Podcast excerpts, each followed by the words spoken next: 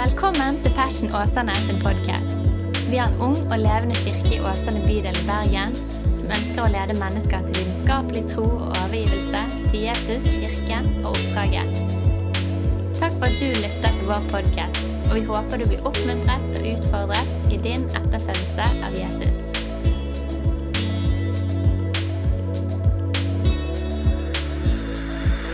Du, så utrolig stas. Eh, veldig veldig kjekt å være her i dag. Veldig ekstra velkommen til dere som er litt finere kledd enn oss andre. Og eh, Det er veldig veldig gøy. Det er alltid gøy å få gjester på besøk. og Håper at vi oppfører oss fint, så dere tenker at det er fine folk deres barn omgås med. Eh, og eh, Så er det òg gøy å ha besøk av et lite konfirmasjonskull fra Vigrestad. Det er jo litt sånn ekstra gøy, altså. Så Jeg var og prekte der for noen uker siden, og så tenkte de at vi fikk ikke nok av den bergensken. Så de kom her i dag, og det er veldig veldig gøy. Så takk for det. Føl dere velkommen. Og, og Passion-familien. Noen har dratt på ferie, ser jeg, men eh, vi som er her, godt å være sammen. Du, så bra. Du, Nå skal vi gjøre det som eh, Kirken har gjort i 2000 år, nemlig høre Guds ord. Så håper du er klar for det. Og Det som er så fint med Bibel, det er ofte når du liksom blir eksponert for Bibel hvis du søker på et mannakorn. Husker du noen mannakorn som du hadde når du vokste opp? Sånn du trakk et bibelvers. Hva sier Herren til meg i dag? Gå og selg gården. Nei, sant? Eh, du trakk opp. Eh, også ofte i mannakornboksene så får du alltid liksom de koselige versene. da. Sånn her, Med evig kjærlighet har jeg elsket deg. Og det er kjempebra. Men Bibelen har jo litt flere sider ved seg. Og litt sånn som det oppdra barn. Nå har jeg to barn. Det er ikke alltid de bare trenger sukker, men av og til så trenger de litt havregryn òg. Og Bibelen har begge deler. Og vi tror på å være en sånn kirke som ikke gir folk diabetes. På at det bare er koselig og, og, og liksom hei hvor det går, liksom. Men at vi tror på at vi trenger å vokse opp, og da trenger vi litt havregryn. Så forrige søndag begynte vi en serie på hele to deler. Eh, og den, den første del, eller serien heter Verdig. Og første del handlet om Er jeg verdig? Og i dag så skal vi snakke om Gud da. Så er du klar for det? Så hvis du blir litt brydd, så ikke lag lyd, bare lag grimaser. ok? Bra. Eh, så bra. Ja da. Du, da skal vi ta og sprette ut fra en av de mest velkjente bibeltekstene. som vi hadde forrige gang også. Jesus han er jo historiefortelleren av alle historiefortellere. Og I Lukas evangeliet, et fantastisk evangelium, så i det 15. kapittelet så forteller han tre historier om noe som har blitt borte, men som har kommet tilbake igjen. Først er det denne sauen som har stukket av hvis du har vært på søndagsskolen og har to stjerner på søndagsskolekortet. så har du hørt Det eh, Det er den sauen som forsvinner, og så forlater han de 99, og så går han for den ene. Og så er det kvinnen som hadde ti mynter og så mister hun én mynt, og så feirer hun hele huset. og Så finner hun han, og så inviterer hun vennene, og så sier hun 'let's party'. Eh, og, ok, eh, Takk for latteren. Også den tredje eh, handler jo om den bortkomne sønn. Eller kanskje enda bedre fortalt den kjærlige far. Da. Og Det er den vi skal sprette ut ifra i dag.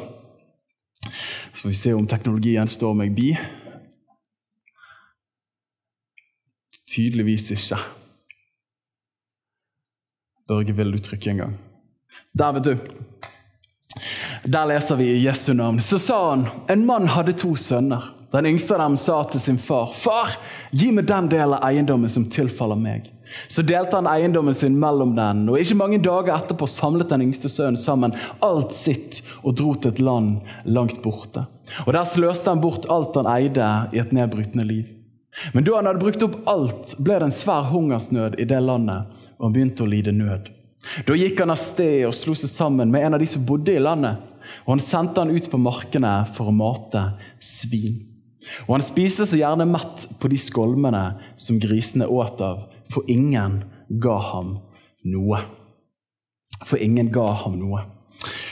Du, La oss ta og be en helt enkel bønn sammen. Far, vi takker deg for disse øyeblikkene. Gud, nå tar vi del i det din kirke har gjort i tusener av år. Og sitter under ditt ord, både til trøst, men også til oppbyggelse og oppdragelse.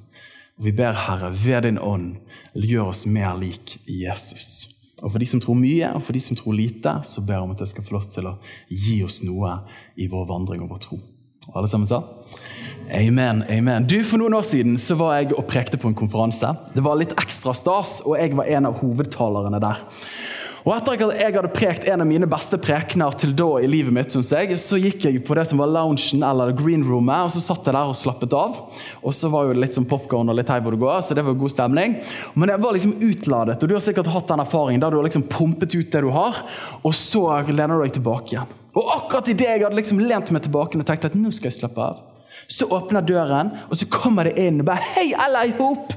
laget, Og så var det en svenske med liksom det energinivået som kom inn. Og jeg bare tenkte dette orker jeg ikke.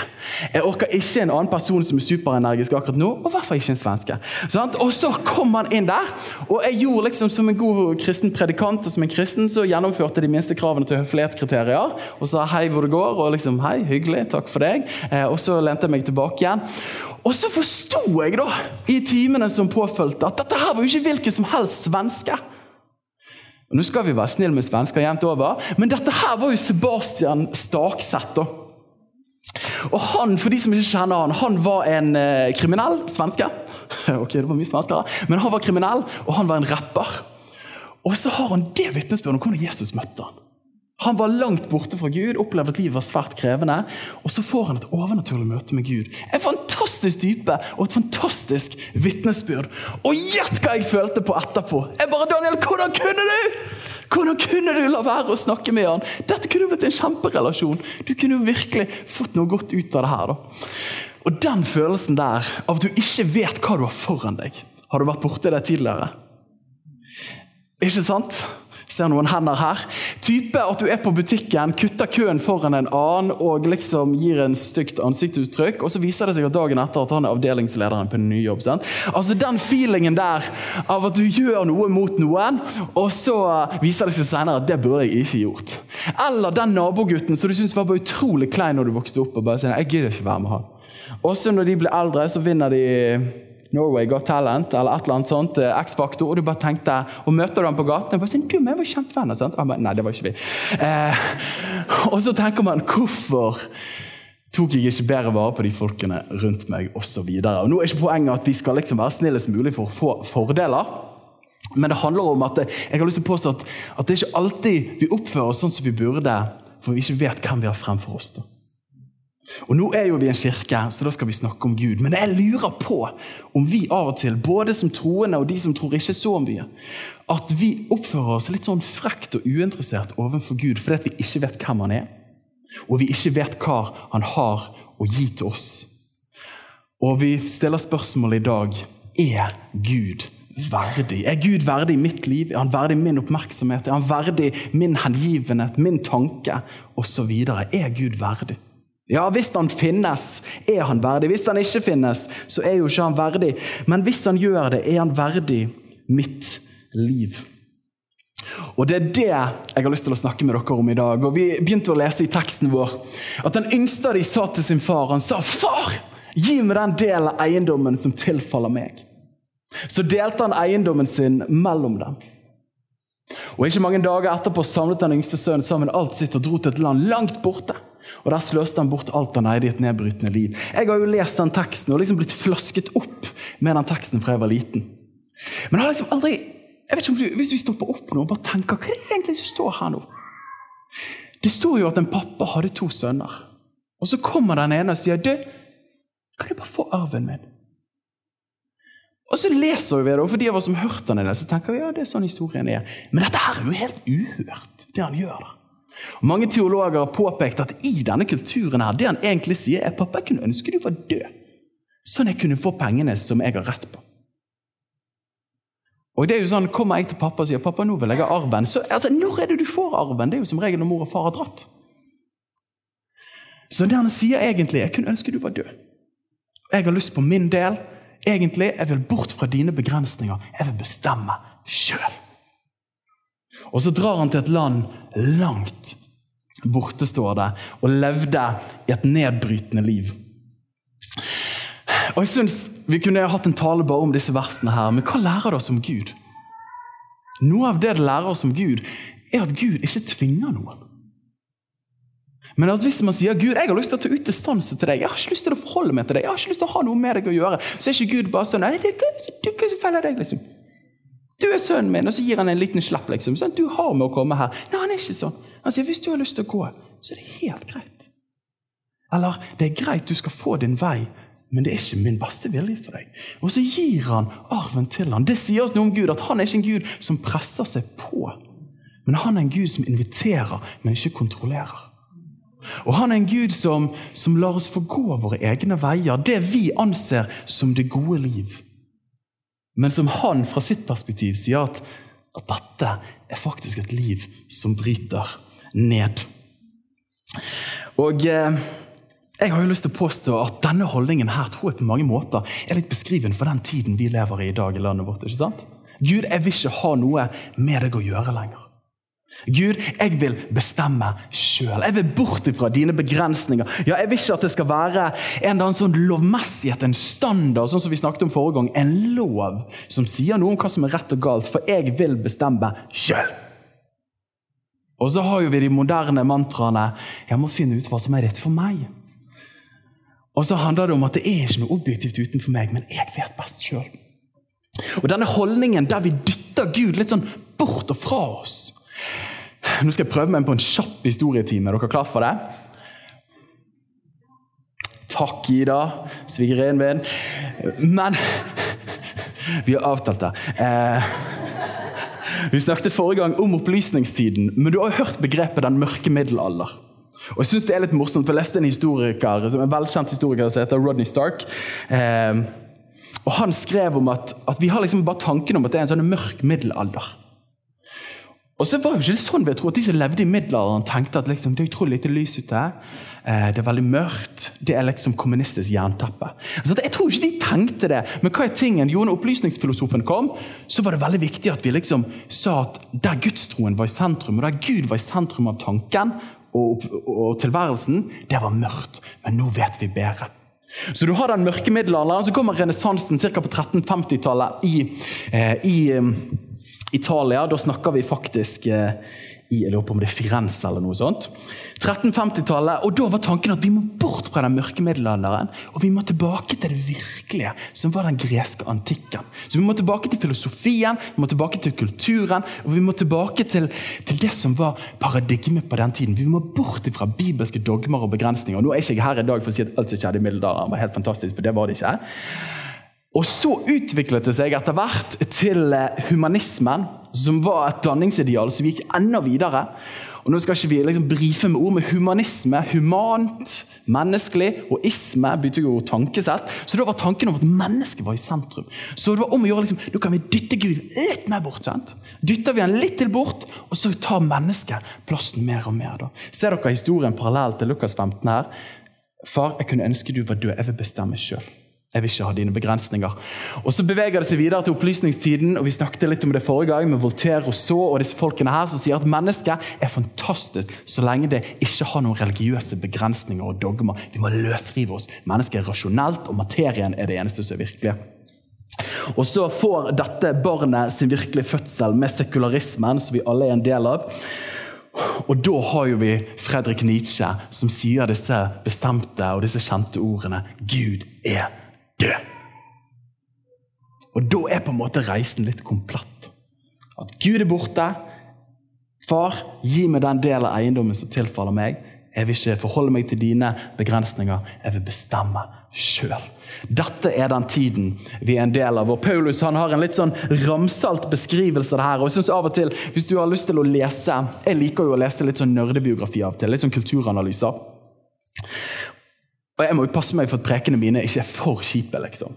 Sant? Og Det er faren når du sitter og kokelurer over Bibelen og bøker og bare tenker at dette er amazing. Alle kommer til å synes at dette er flipping genius. Og Så kommer du i kirken og så deler du det, og folk bare Hva er det han har fått i seg? Sant? Så vi, vi, skal holde det Bibelen nært. Men Paulus i Romerne første kapittel har lyst til å oppmuntre deg å lese det. For Der tar han liksom en beskrivelse av menneskeheten og samfunnet som ikke har lyst til å forholde seg til Gud. Og Så sier han at de har byttet ut Guds sannhet med løgn og tilbedt og tjent skapningen istedenfor skaperen. Det er ganske heftige ord. Og Dette er jo egentlig det som man kaller for ateisme. Det betyr ingen Gud. Tanken om ingen Gud. Og, og mange mennesker lever slikt. Det er ikke sånn at vi rangerer mennesker om de ber eller ikke ber. Men mange lever på den måten som om Gud ikke finnes. Jeg vil ikke ha noen begrensninger utenfor meg sjøl. Jeg vil bestemme sjøl. Og så tror jeg for Vi kristne vi strekker jo ikke det helt der. Vi har jo tross alt sunget sanger her. Vi har tross alt hatt gitar, synt. Jeg har spilt kajun første gang på fem år. Eh, det var gøy. Og så vet Vi er jo ikke der, men jeg har lyst til å påstå at jeg tror kanskje vi er mer influert av denne humanismen, at vi er i sentrum. Istedenfor at Gud er i sentrum, som en bibelsk forståelse av måten vi er ment å leve på som etterfølgere av Jesus. Kan dere kjenne dere litt igjen i det? Det er at Gud, jeg, I just love you. Kirken løfter hånden, synger med, hopper litt i takt. Men idet jeg kommer hjem, så gjør jeg ting som jeg tenker at nå er det jeg som bestemmer. Eller jeg kan gi deg litt av tiden min, men pengene mine Oh my goodness, Gud. Vi snakker ikke om de. Sant? Og noen tanker Gud kan jo ikke kreve dette av oss. Det går jo bare ikke an. Har hørt den tanken før? Jeg er jo kristen, men Gud kan jo ikke kreve dette av meg. Det går jo bare ikke an. Eller dette var for en annen tid, gjelder ikke oss i dag. Og så har vi alle disse tingene som vi sier, og bare tenker at vi, liksom, vi slipper å forholde oss til Han. Egentlig er det oss sjøl i sentrum. Eller denne her. Her har Bibelen noen feil. Vi kan ikke stole på Han i alle ting. Men jeg vet hva som gjelder. Egentlig Det jeg føler for akkurat nå, det er faktisk det som gjelder. Eh, hvis det er sånn Gud er, så kan jeg ikke tro på Han. Og så kommer kanskje det som høres som rett ut. Nemlig Gud er jo kjærlighet. Det er jo det som teller. Og da har jeg bare lyst til å si amen, men la oss definere hva kjærlighet er for noe. Ikke sant? La oss definere hva det er for noe. Og Summen er den samme. Vi tenker at Gud er ikke verdig plassen og sentrum i livet mitt. Men det er jeg som er verdig den plassen. For at Gud er en fin tjener, men han er en dårlig sjef. Er dere med meg? Og Nå snakker jeg til meg sjøl, for dette utfordrer oss alle. For jeg tror vi er mer humanistiske enn det egentlig vi er kalt til å være som etterfølgere av Jesus. Ja, og egentlig mine tanker får avgjøre teologien, istedenfor teologien får avgjøre mine tanker. Jeg bestemmer over Bibelen, Bibelen bestemmer ikke over meg. Og Det er jo ondt å lese om de tingene der. Eh, og Hvis du syns powerpointen var litt sånn artig, så er det pga. at jeg gikk løs med pennen min samtidig. når jeg lagde den. Vi lever da på et vis som Gud i eget liv. Gud i eget liv. Og eh, jeg tror dette er en utfordring for oss alle. Å leve på denne måten her. Og så høres det litt sånn frigjørende ut. Man har sikkert hørt de begrepene, men jeg er herre i eget liv. Nå er jeg mann, nå bestemmer jeg sjøl. Men så tror jeg livets erfaring, hvis man har levd litt, så er det at jeg tror vi alle har en Gud i livet vårt. Spørsmålet er bare om det som vi bøyer oss for, er den guden som er god, og som faktisk er Gud. Eller om det er, sånn som Bibelen sier, andre avguder. Daniel, dette var heftig. Hva tenker du på? Jo, helt enkelt. Man kan si 'jeg er fri', 'jeg bestemmer sjøl'. Men hvis du lever for karriere, da har jeg lyst til å påstå at da har du en annen gud i livet ditt. Og den guden som heter karriere, er ikke en veldig barmhjertig og god gud å leve under. For at Idet du har nådd toppen av den sosiale næringskjeden innenfor ditt felt, så kommer det en jypling fra NHH med liksom tre mastergrader og så kan syv språk. Og du trodde du var the man of power for the hour. Og så kommer han, og han bare sier du kan ingenting. Sånn? Og da er du bare falt ned. Er du med meg? Kjemperisikabelt å bygge livet på den måten. Eller penger. Den dagen du har bare satset de 50 ørene du fikk i konfirmasjonen på bitcoin i 1982, og så tjente du masse penger! Og så bare tenkte du I made it. Og så plutselig kommer Kina med en ny sånn digital eh, valuta. sant? Og du sitter igjen med 25 øre. Dette var dårlig historie, men, men, du skjønner Det er risikofylt å leve med det som Gud i livet sitt. Eller sex! Ja, Om du så var det fineste, flotteste som vandret på gaten når du var i 20-årene, så blir vi alle svisker en eller annen gang. Og utseende. Ah, ikke på samme måte. Var du blikkfanget? Så er det fint å være gift, for du er fortsatt blikkfanget til din ektefelle når du er 80. Men ikke ta alle andre. Og så status. Det kommer og det går. Er dere med meg? Poenget er helt enkelt at om du sier at Gud er ikke Gud i livet mitt, jeg vil bestemme sjøl, jeg vil dra til et land langt borte, så sier Gud det er greit. Jeg skal ikke tvinge deg. Men bare vær klar over at det er ikke noe som heter å ikke ha en Gud i livet sitt. Det er bare at du bytter meg bort med noe annet. Bibelen har jo mange litt sånn ramsalte diagnoser. Men landet deres er fullt av avguder. De tilber sine egne henders verk. Karriere, status, hva enn det måtte være. Det deres egne fingre har laget. Og som Jesus sier så presist, sannelig, sannelig. Den som gjør synd, er slave under synden. Hva er det egentlig Jesus prøver å si der? Han prøver å si at vi alle slaver for noe. Det du bøyer deg for, det bestemmer over deg.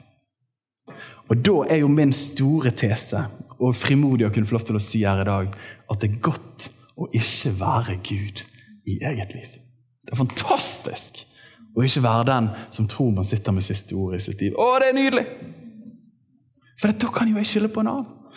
Altså, Det er jo fantastisk å slippe å bære vekten av sitt eget liv og sin egen tilværelse. Ja, vi skal være ansvarsfulle. Ja, vi skal leve så godt vi kan. Men jeg tror jeg er en dårlig herre i mitt eget liv, og faktum er at det faktisk aldri er jeg som virkelig bestemmer. Og Hvis du tenker tilbake til, eh, til søndagsskolen Jeg husker jeg gikk på søndagsskole der bak. Jeg husker Søndagsskolekortet hang på veggen.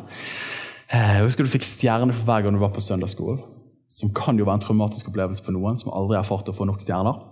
Eh, men da er tipset å kjøpe en sånn blokk med klistremerker hjemme. Eh, og bare fylle på sjøl. Det er veldig gøy med Anna. Hun har masse klistremerker nå. så vi bare klistrer det opp overalt. Men det første budet Er det noen som husker det første budet?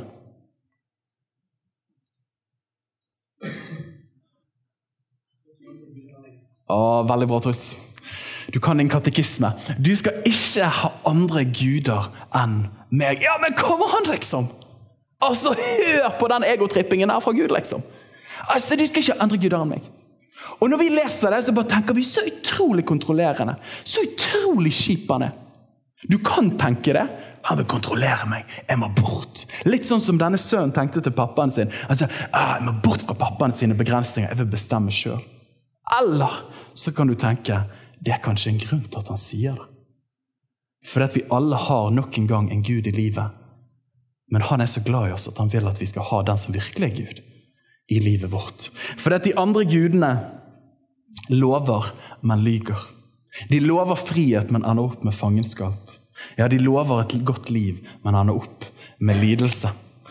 Det står videre om den bortkomne sønn, men det står at da han kom til seg sjøl, så sa han, 'Hvor mange av min fars leietjenere har ikke brød i overflod, mens jeg selv går til grunne av sult?' Han hadde kommet til det punktet der han fikk gå sin egen vei, bestemme sjøl. Og så forsto han etter hvert, når han kom til seg sjøl, at det å bestemme sjøl betydde faktisk ikke å bestemme sjøl.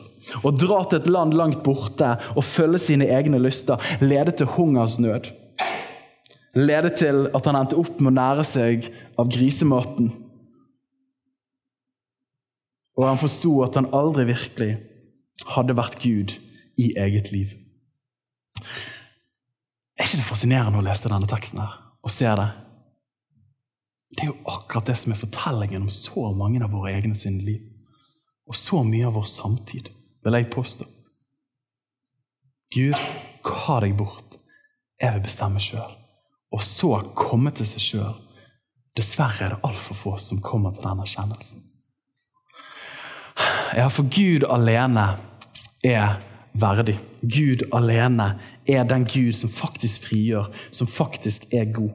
Og Da er spørsmålet som jeg har lyst til å stille når vi begynner å bevege oss etter hvert godt inn i talen her, men hvem er så denne Bibels Gud? Og det er ikke til å komme unna at Vi lever med mange tanker vi lever med mange myter om hvem Gud er. Og En av de historiene som jeg elsker best av alle, er den svenske sjelesørgeren Thomas Sjødin. Kjent predikant. og Så kommer det en fyr til han og så sier han et eller annet sånt, jo, klarer bare ikke å tro på Gud. Eh, og, så, eh, og, så, sier han men hvilken gud er det du tror på? Fortell meg litt om denne guden din. Og så sier han denne guden han er stint. Han følger alltid med fra himmelen, klar for å ta meg, slå meg med lynet hvis jeg gjør noe feil. Og han er aldri fornøyd med meg. Og Så lener han seg framover og så sier han de magiske ordene. sier han, vet du hva, Denne guden tror jeg heller ikke på. For Ofte løper vi rundt med bilder av hvem Bibelens Gud er, og han er bare ikke sånn i det hele tatt. Jeg husker så godt i tenårene, akkurat blitt en kristen. Og så husker Jeg kom på møte en gang, så var det en annen fyr der så sa han, Daniel, Gud er ikke sånn som du tror han er. Jeg bare tenkte jeg kan dette greiene her. Men jeg sa ikke det, for jeg er kristen. Så jeg sa å ja.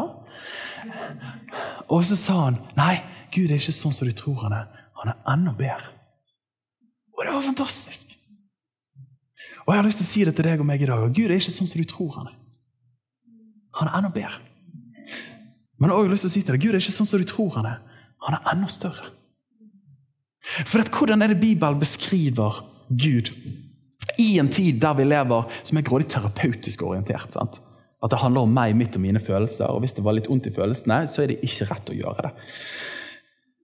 Sorry, my friend, altså. Vi snakker mye om Guds kjærlighet og Guds nåde, og det er så viktig. Men er du klar over at Bibelen åpenbarer at Gud ikke bare er superkoselig stearinlys? Men Gud er en mektig Gud. altså. Han er en stor Gud. Han er en hellig Gud. Ja, Når Gud åpenbarer seg for Moses i eh, tornebusken, tilbake til søndagsskolen, så sier Moses 'Hvem er du?' Han bare sier 'Gi meg visittkortet. Hvem er du?' Og så sier han 'Jeg er den jeg er'. Ego meg». Altså, da er du sjef. Når du sier 'Jeg er'. Hvem er du? Jeg er. Ja, men hva mer? Jeg er den jeg er. Altså, Da er du sjef. Da eier du tilværelsen. Jeg er den jeg er. Ja, videre. Når Isaiah møter Gud, så står det 'Hellig, hellig, hellig er herskarenes herre'. Hele jorden er full av hans herlighet. Vi leser om det aller helligste i tempelet. At ypperstepresten gikk inn én gang i året. Han hadde tau rundt foten. til og med. Sånn, jeg er glad vi slipper å gå inn med tau her i dag. Men han gikk inn i det aller helligste med tau rundt foten én gang i året for å gjøre soning for folks synder. Og der var det der, altså det var med livets risiko. Hvorfor det? Fordi han var en hellig gud. Han er en gud som er hellig. Ja, og Vi leser i Salme 47, der sier David hør på det her, han sier for Herren den høyeste er fryktinngytende. Ja, men Daniel, frykt! Det funker ikke med det bildet jeg har av Gud. Du, Det er ikke en sånn frykt som kreperer og undertrykker. Men har du noen gang stått på en høyde og sett ned, f.eks. på Prekestol, Eiffeltårnet, og sett ned, og så kjenner du wow! Går bort til rekkverket, og så får du en sånn ærefrykt over høyden. Har du erfart det? Jeg tror det er en frykt som er mer sånn. Bare sånn, Wow, Gud! Du er så mye større enn det jeg fattet. Du er så mye mer verdig enn det jeg trodde. Jeg har behandlet deg som en litt sånn koselig type. Men Gud, du, det er du som er the senior her, altså. Og Så sier han videre, David, du er konge over hele jorden. Ja, du sitter på troen, og alle skal tilbe deg som lever i all evighet. Og så videre. Der, leste jeg fra Johannes' åpenbaring, og det er akkurat det jeg har lyst til å lese for dere her. Altså, Se for deg de gudsbildene du har, men dette som Bibelen sier Gud er. Det står om himmel at de verken har hvile dag eller natt, men de sier 'Hellig, hellig, hellig er Herren Gud den allmektige'. Han som var, og som er, og som kommer. Og Hver gang livsvesenet gir pris og ære og takk til han som sitter på troen, han som lever i all evighet, faller de 24 eldste ned foran ham som sitter på troen, og tilber han som lever i all evighet. Kaster kronene sine ned foran troen og sier, 'Du er verdig, Herre'. Kan du bare si 'verdig' en gang? Du er verdig, Herre, til å få prisen og æren og makten. For du har skapt alle ting, og ved din vilje består alle ting. Og ved din vilje ble de skapt. Og ved din vilje ble de skapt. Er ikke dette ganske heftig, folkens?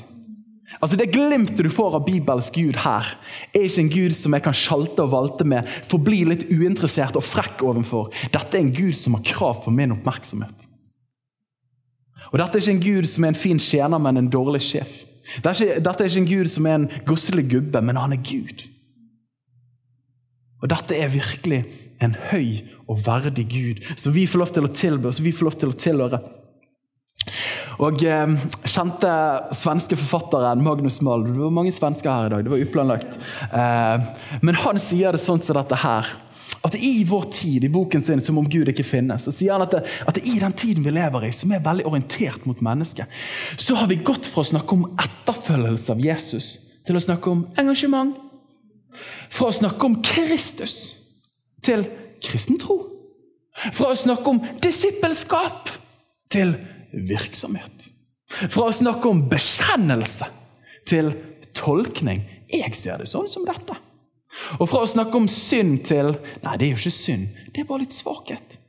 Og for å snakke om ordet, Guds ord, til mysteriet. Og vi kan jo intensivere det og si at vi kan snakke om nåde, men ikke synd. Tilgivelse, men ikke omvendelse. Frelse, men ikke fortapelse. Himmel, men ikke helvete.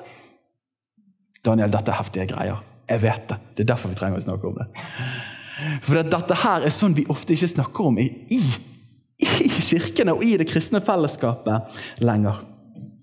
Men dette er sånn Gud åpenbarer seg. Ikke bare en Gud som er full av kjærlighet, men en Gud som er full av verdighet. Han er en stor Gud. Og Da tror jeg vi trenger å koste støv av sånne ord. Og hør på disse ordene her. Dette er jo nesten som å lese nynorsk fra gamle dager. Men ord som hellighet, forsakelse Ja, men Sier du jeg skal ofre noe når jeg følger Jesus? Ærbødighet, å være en kristig tjener, slave, ærefrykt, gudsfrykt, omvendelse. Og når jeg forberedte denne talen her, skal jeg være ærlig med dere, så stoppet jeg på dette ordet gudsfrykt. Og Hvis du har, har travet litt i Bibelen, så er jo det et ord som er nevnt ca. 700 ganger. Men jeg tror i løpet av min tid i menighet så har jeg hørt én tale om gudsfrykt. Men hvor mange ganger jeg har hørt om Guds kjærlighet og Nå er ikke det motsetninger, men det utdyper ulike sider av Gud. Guds kjærlighet har jeg hørt om i flust.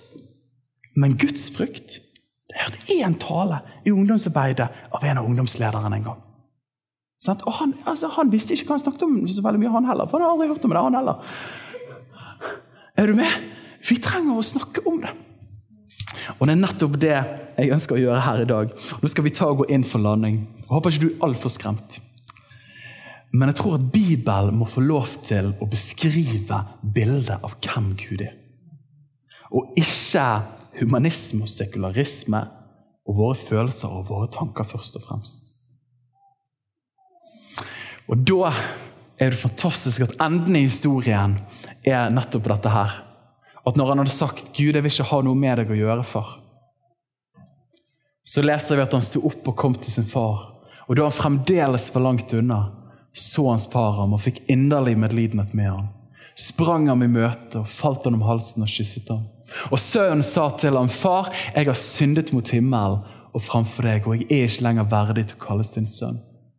Men faren sa til sine tjenere, 'Hent fram den beste festdrakten og ha den på han, og sett en ring på hånden hans og sandaler på føttene hans.' 'Kom så hit med gjøkalven og slakt den, og la oss ete og være glade.' For denne sønnen min var død og er blitt levende. Han var fortapt og er blitt funnet. Og de begynte å være glade. Er ikke det fantastisk ende på denne historien her? Her hadde faren hatt all rett ut fra den konteksten og samtiden og sagt at 'du er ikke min sønn lenger'. Jeg har avskrevet deg. Du er borte. Du sa 'jeg vil bort fra dine begrensninger'. Jeg vil bestemme sjøl. Du valgte meg bort. Du sløste bort arven. Faren gikk på et tap. Det var ikke sånn han kom hjem med bitcoiner. Han gikk på et tap. Og det samme sier Gud til deg og til meg når vi ikke akter Gud verdig i våre liv. Og så kan vi kjenne ja, men jeg er ikke lenger verdig til å kalles din sønn lenger. sånn som han sier, og vi kan kjenne oss igjen i det. Og Da bare elsker jeg at når han kommer med sin forsvarstale, så ignorerer faren den. Og så omfavner han han, kysser han og tar han tilbake igjen som en fullverdig sønn og gir han identitet av å tilhøre. Er ikke det fantastisk? Han hadde tråkket på farens verdighet. Men Guds verdighet er ikke truet, selv om du og meg later som vi ikke kjenner han eller er jakt på. Han er fortsatt Gud, han sitter fortsatt på troen, og han er fortsatt konge.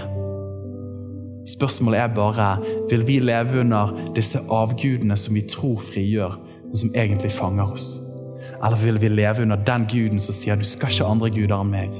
Ikke pga. jeg er kjip, men pga. jeg elsker deg. For det er bare hos meg det finnes liv.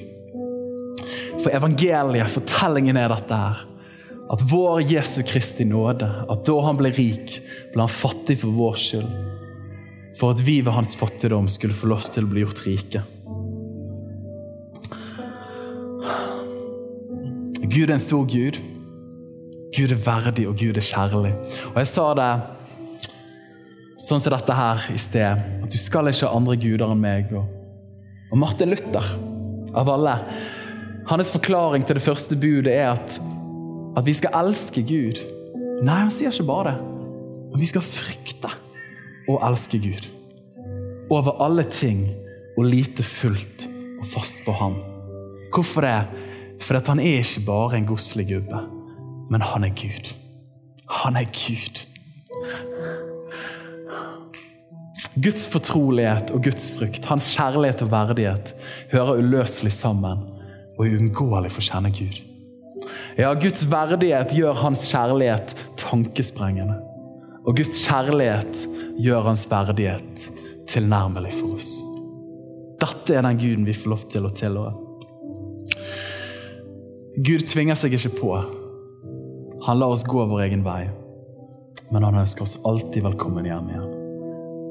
For han er kjærlig, men han er òg verdig. Og jeg har lyst til å avslutte med et fantastisk sitat fra en av de favoritthistoriene mine fra jeg var liten. Og Det er når Susan snakker med beveren.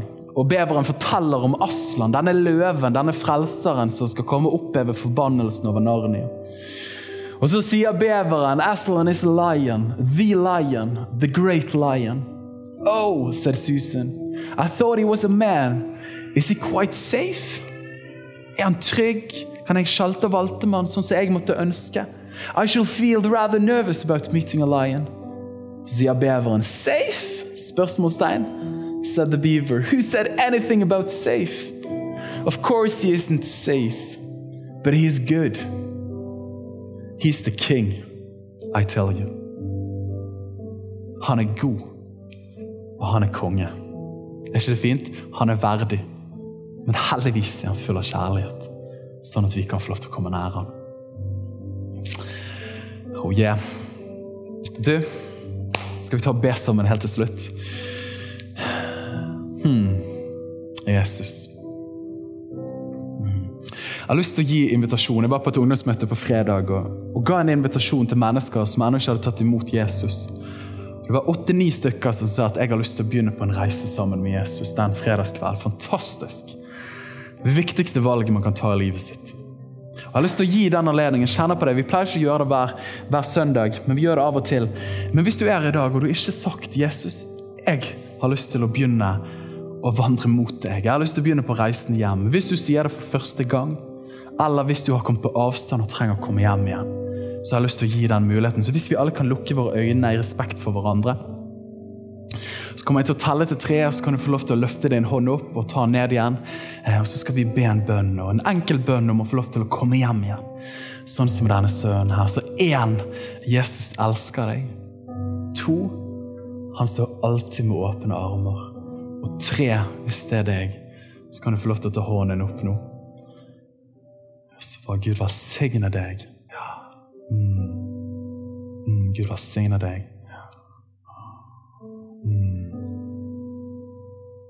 Ja. Mm. Så bra. Det var én person. Nydelig. Du, Da kan vi ta og be en bønn sammen. Da kan du få lov til å være med og be med meg. Be etter meg. Be i ditt hjerte. Om ikke du tok opp hånden, men ønsker det, så vær med og be. Jesus, takk for at du elsker meg. Og takk for at du sto i mitt sted. Og du betalte min synd. Og akkurat nå, Jesus, så velger jeg å komme hjem igjen. Jesus, jeg ber om en ny start i dag. Og jeg ber om at du viser deg virkelig for meg. Amen. Amen. Hvis du ba den bønnen i dag for første gang eller på nytt, Fantastisk. Ta tak i noen som tror. Spør dem om noen tips og noen steg langs veien og bli en del av et kristent fellesskap. Jeg skal be en enkel bønn til slutt for oss alle. Far, vi takker deg for disse ordene vi har fått lov til å høre i dag. Gud, takk for at du ikke bare er kjærlighet i en sånn sentimental, moderne forstand, men Gud, takk for at du er full av verdighet. Og jeg ber deg, Gud, om at du åpenbarer for oss at du er en Gud som er hellig, hellig, hellig. At du er en Gud som er stor, som vi faktisk orienterer oss rundt, og ikke du orienterer deg rundt våre liv, Herre. Så jeg ber om en vekkelse av Guds frykt i våre hjerter og i våre tanker. Herre, måtte vi bli overveldet av hvem du er i denne sommeren her. Og alle sammen sa amen. Takk for at du lyttet til vår podkast. Hvis du synes den var bra, så del den gjerne med noen flere. Vil du vite mer om hvem vi er, hva som skjer, og kanskje besøke en av våre gudstjenester? Se vår nye hjemmeside på passionåsane.no, eller følg oss på sosiale medier. Helt til slutt, ta imot Herrens velsignelse. Herren velsigne deg og bevare deg. Herren la sitt ansikt lyse over deg og være deg nådig.